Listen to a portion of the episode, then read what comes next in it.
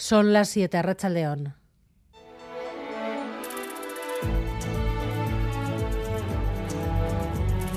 Gambara con Arancha García.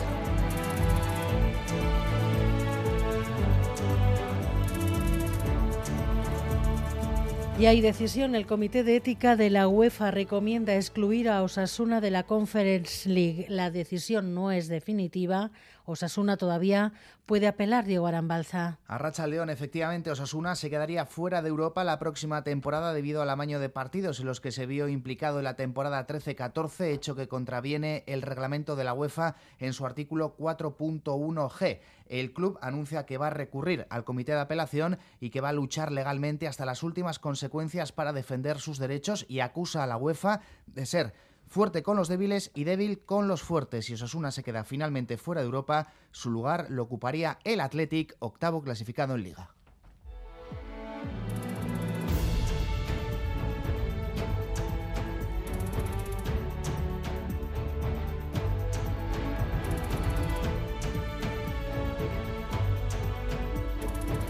Puede que con alguna excepción, pero parece seguro sí que la semana que viene las mascarillas dejarán de ser obligatorias en farmacias y hospitales. El Ministerio y las comunidades están reunidos a esta hora. David Veramendi, Arrachaldeón. Arrachaldeón, muy buenas tardes a todos. En efecto, salvo sorpresa mayúscula, la mascarilla dejará de ser obligatoria en hospitales, ambulatorios y farmacias. La decisión se anunciará en breve, en unos minutos, tras la reunión que mantienen desde las 5 de la tarde el Ministerio de Sanidad y las comunidades autónomas. En principio, el uso de la mascarilla pasará de ser obligatoria a ser solo una recomendación. Sonia Saez de Buruaga es la presidenta de la Asociación de Farmacia aquí en Euskadi. Nosotros ya en la farmacia empezamos a tener problemas, ¿no? De gente que no se la quiere poner, de la gente que protesta. Nosotros, pues bueno, seguimos la legalidad vigente y creo que poquito a poco hay que empezar a hacer al revés, ¿no? Al parecer podría haber una excepción, las residencias y centros de día. Y los sindicatos de la Archancha avisan.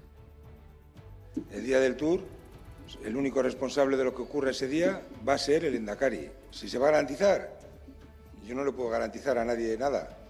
Se han levantado de la mesa de negociación en unos minutos, rechazan la última oferta del Departamento de Seguridad. El consejero Ercoreca les acusa de irresponsabilidad e intransigencia, Xavier Madariaga ha habido cero avances en una reunión express de la que los sindicatos se han levantado de la mesa. Entre las centrales sindicales y la directora de Recursos Humanos de la Arzanza no hay entendimiento. Josué Coreca llama la responsabilidad a los sindicatos. Pido a los sindicatos que reconsideren su posición, que recapaciten, que vuelvan a la mesa de la negociación porque todavía hay margen para el entendimiento y para la negociación. Aunque las posiciones de partida puedan ser distantes, hay margen para el encuentro. El departamento ha puesto 18 millones en mejoras para los agentes, pero estos piden 100 millones. Uno de cada cuatro trabajadores vascos cobra menos de 19.000 euros al año. Íñigo Urcullo ha pedido a las empresas que mejoren esos salarios. Debemos esforzarnos en revertir esta situación y esta es una responsabilidad compartida por las instituciones, empresas, trabajadoras y trabajadores. Un trabajo bien retribuido es sinónimo de calidad de vida sinónimo de bienestar social. La petición del Endacari Osakidecha, entre tanto, se consolida como uno de los de las mayores preocupaciones ciudadanas. Son datos del Deustobarómetro. Dos pilares del estado de bienestar, como son el servicio de sanidad, Osakidecha o las pensiones, suspenden. De hecho, Osakidecha suspende por primera vez. ¿eh? La atención sanitaria en Euskadi obtiene un 4,8 en la puntuación sobre 10, lo mismo que le ocurre a las, a las pensiones. ¿no? Y si veis la tendencia, vemos cómo está bajando significativamente desde 2021. El PNV mantiene la presidencia de las Juntas Generales de Guipúzcoa. El Partido Popular ha conseguido un asiento en la mesa. EH Bildu asegura que es la confirmación de el acuerdo con el Partido Popular para garantizar la investidura de Ider Mendoza y el PNV. Niega que haya pacto y mantiene que la votación de hoy refleja la soledad de Bildo.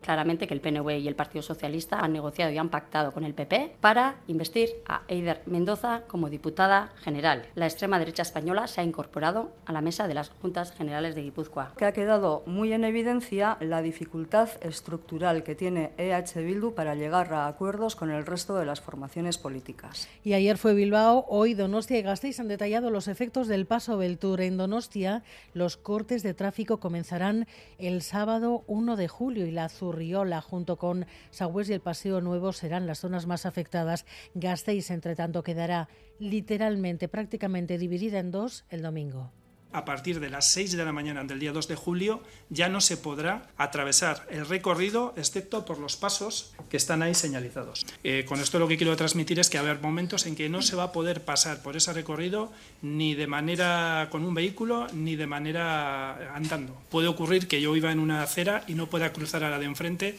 Noche de hogueras y tarde de playa, playas llenas también en las que siguen con el baño prohibido por contaminación con E. coli. Ander López Lerena, Rachaldeón.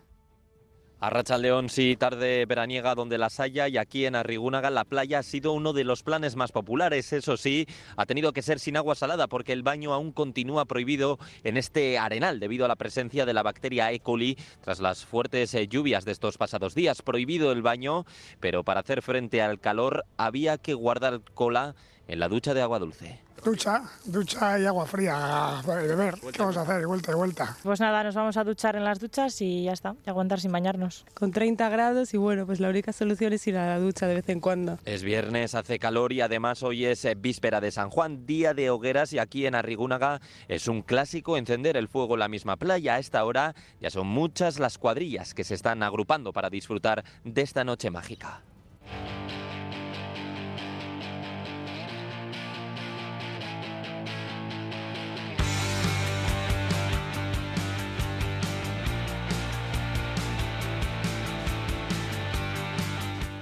Primera jornada del BBK Bilbao Music Legends. Joseba Martín ya está en marcha. Racha León. Saludos desde el Bilbao Arena. Efectivamente, desde hace unos 30 minutos que ha comenzado esta sexta edición del BBK Bilbao Music Legends Fest con la actuación de la banda Euskaldun de Bayona Willis Drummond. El grupo Iparralde ocupa ahora el escenario principal en el interior del Bilbao Arena, por donde van a pasar en las próximas horas la cantante estadounidense Nicky Hill, el cantante y guitarrista alemán Uli John Roth y poco antes de medianoche el grupo británico de rock The Cool, cabeza de cartel de esta primera jornada. Estas actuaciones se van alternando con el escenario exterior, el llamado Voodoo Child Bar, ubicado al aire libre con los grupos vizcaínos Sua y The Daltonics y también con el guitarrista madrileño Javier Vargas y su propia banda, la Vargas Blues Band. De momento solo unos cientos de espectadores han accedido al recinto en una tarde que podemos calificar de tranquila. Cielo despejado, 27 grados en el exterior de este Bilbao Arena. Es todo por ahora desde, desde este Music Legends Fest.